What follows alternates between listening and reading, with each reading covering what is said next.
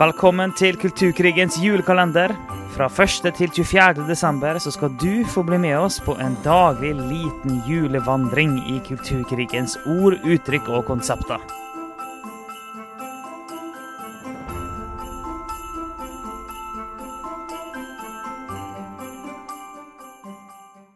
Og vi har kommet til 8. desember. Og i dag er vi våkne og klare fordi vi skal snakke om woke. Ja, woke, vet du, det er jo et sånt begrep som eh, mange bruker. Vi har brukt det veldig lite. Vi snakker heller om kulturell revolusjon, vi snakker om eh, postmodernisme og nymarxisme og eh, kulturkrig. Det er liksom de begrepene vi bruker. Men woke er kanskje det mest vanlige begrepet på og liksom sagt samlebetegnelse på alle disse her eh, tingene som driver og skjer um, i kulturen vår. Ja, og woke det handler jo om å uh, våkne opp, eller være våken, sånn stay woke. Bare uh, bli våken, våkne opp, åpne øynene dine, se. Det er det det handler om. Det handler om at du må være, være på alerten, være klar og, og være bevisst på diskriminering, rasisme, undertrykkelse, den type ting. Så du, du, må liksom stay woke, du må være årvåken for den undertrykkelsen og diskrimineringen som skjer i samfunnet. Det var sånn ja, det var brukt. Ja, og en slags vekkelse, da. Si sånn, En vekkelse blant kanskje den gemene hopen, da. Mm. At det blir en slags vekkelse, at vi får ja, øynene åpne og våkne for sosial ulikhet. Mm. Uh, så dette var et begrep som det har lang historie Jeg lurer på om vi har lest helt tilbake til 1800-tallet. Vi så òg at på 1930-tallet var dette med stay woke ble et begrep. Um, og så i hovedsakelig da i, i afroamerikanske miljøer uh, var det det kom fra. Og nøyaktig år Her går jo historien fort, men det er jo, det er jo i tiden rundt 2015 mm. der vi kanskje så en sånn den siste bølgen av uh, hva du skal det, politisk korrekthet og mye av de tingene som vi er i akkurat nå, der det kom voldsomt trøkk på en del av disse her eh, forskjellige tingene som, som antirasisme, men òg eh, pride-bevegelse og eh, ja, flere av disse her tingene. da. Eh, og, og, i begynnelsen så blir altså dette begrepet brukt av de sjøl, av, av disse som opplevde seg oppvekket for sosial urettferdighet. Um, og har adoptert mye av denne postmoderne og nymarxistiske ideologien. Men så begynte reaksjonene å komme ganske raskt, og høyresiden begynte å bruke det nesten som et skjellsord mot de, og da gikk det ikke så lang tid, det gikk ikke så mange år før de sjøl begynte å avvise begrepet. Så nå er det nesten ingen som bruker dette om seg sjøl. Ja, og det, det, eh, det, blir, det, blir, fortsatt brukt og kasta hit og dit. Eh, men nå blir det mest brukt av eh, Uten å sette ting for mye opp på høyre og venstre, så blir det likevel sånn mest brukt fra høyre mot venstre. Som er sånn Jeg skal prøve å beskrive strømninger og sånne ting som skjer på venstresida, da. Ja. Som en samlebetegnelse. ja. og, og på mange måter kan man si det at vi begynte jo hele denne podkasten med å si at det vi står i nå, er en slags fusion mellom nymarxisme og postmodernisme. Altså det fins eh, tankegods fra de strømningene i en ny drakt, i en litt sånn 2000 etter 2010-drakt, da. 2010-2020-årene drakt. Eh, en fusion.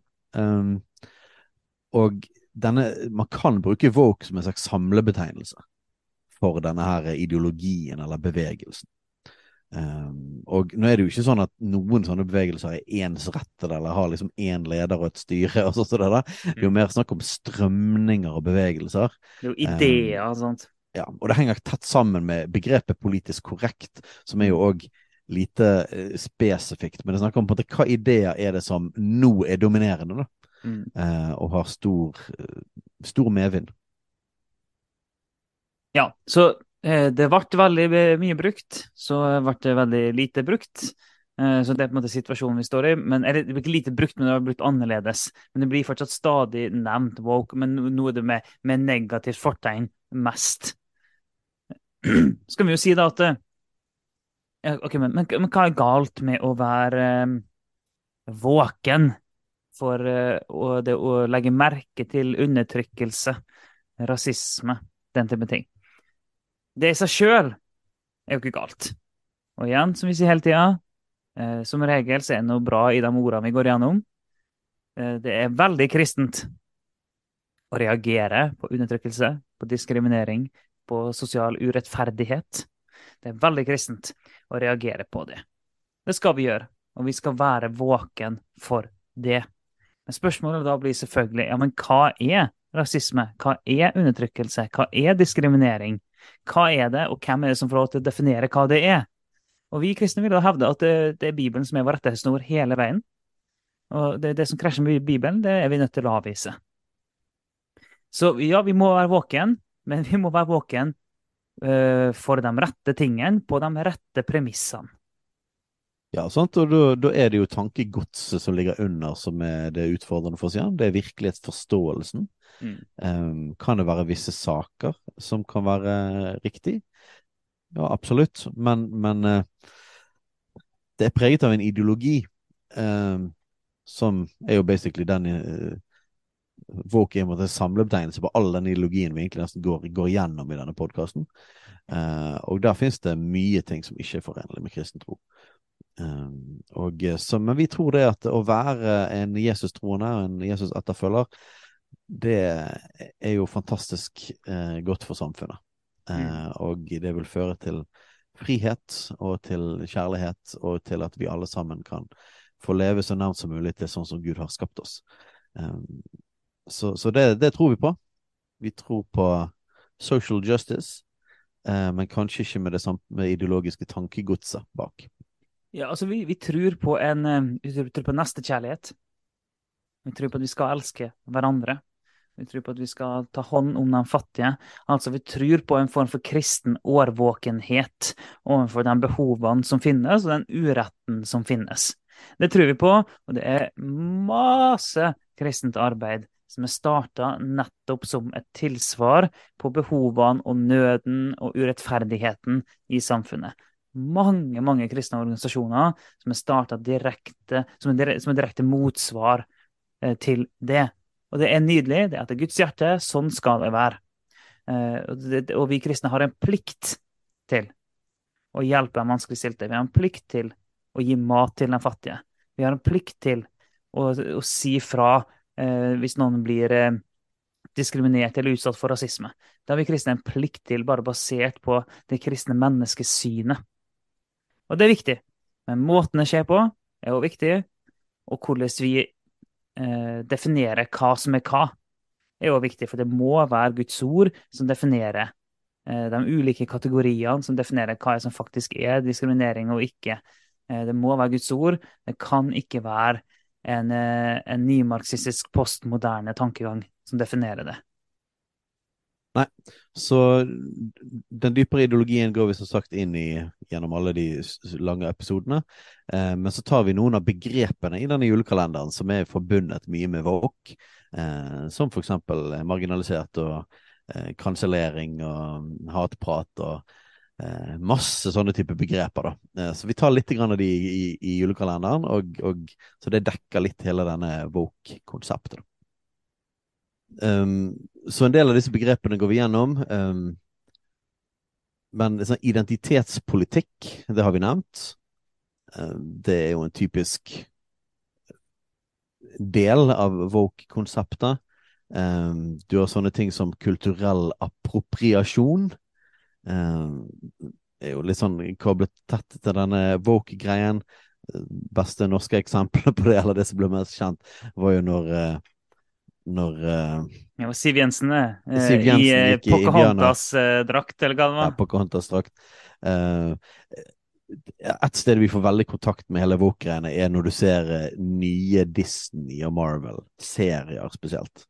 Ikke hovedsakelig filmen, kanskje, men spesielt seriene. Da er det liksom um, du, du ser det på, på måte, det skal være korrekt sammensetning av forskjellige etnisiteter, det skal være noen som er tjukke, det skal være noen som er handikappet. Um, og så videre. Og hele dette begrepet, nå sa jeg faktisk jeg sa ordet handikappet, så ble det sånn Å nei, er det lov å si nå? Det er det vel kanskje ikke egentlig lov å si. Uh, og nei, det er jo en del av hele vårt konsept. Det er jo ja. alle disse ordene som ikke er lov å si lenger, og som endrer mening, da. Nå skal du aller helst si funksjonsvariert. Uh, ikke, ikke, engang at det er en funksjonshemming eller funksjonsnedsatt, men du skal si uh, funksjonsvariert. og det samme er med sånn Nei, du skal ikke si Du skal ikke si at det er noe sånn kjønnsdysfori. Nei, du skal si at du er kjønnskreativ.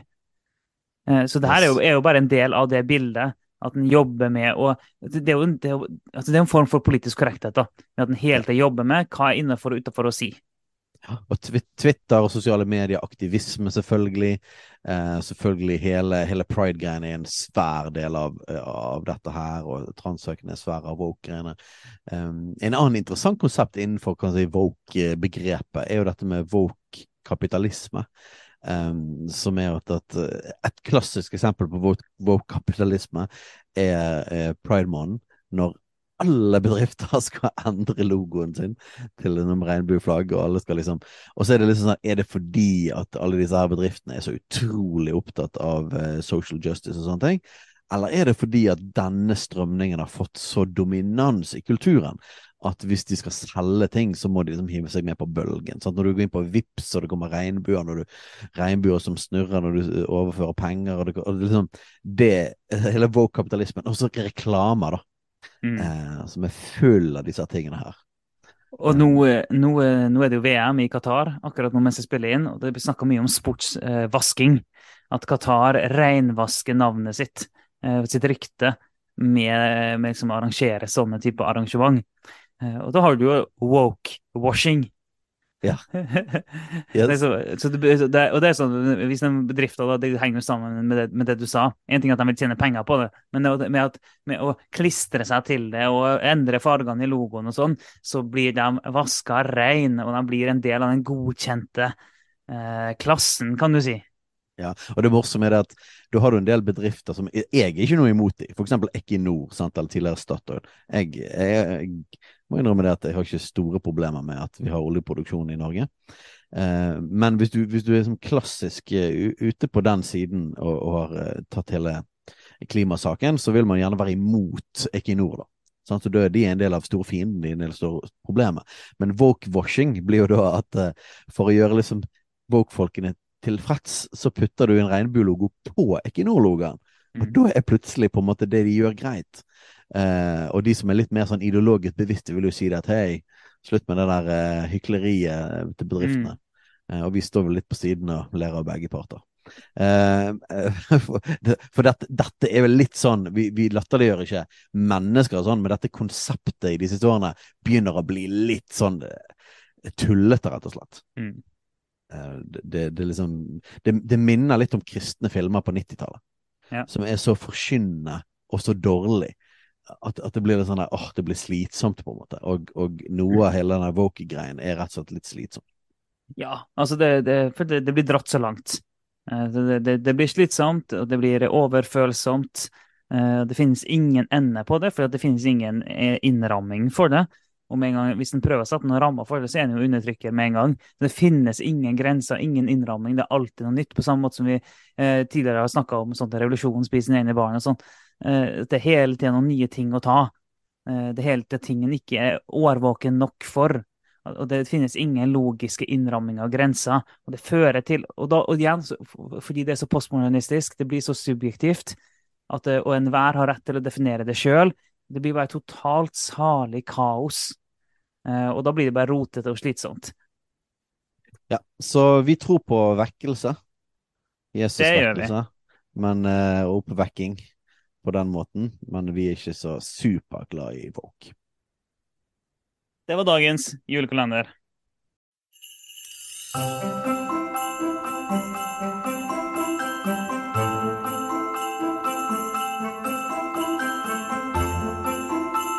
Takk for at du hørte på Kulturkrigens julekalender. En daglig liten julevandring gjennom kulturkrigens ord, uttrykk og konsepter.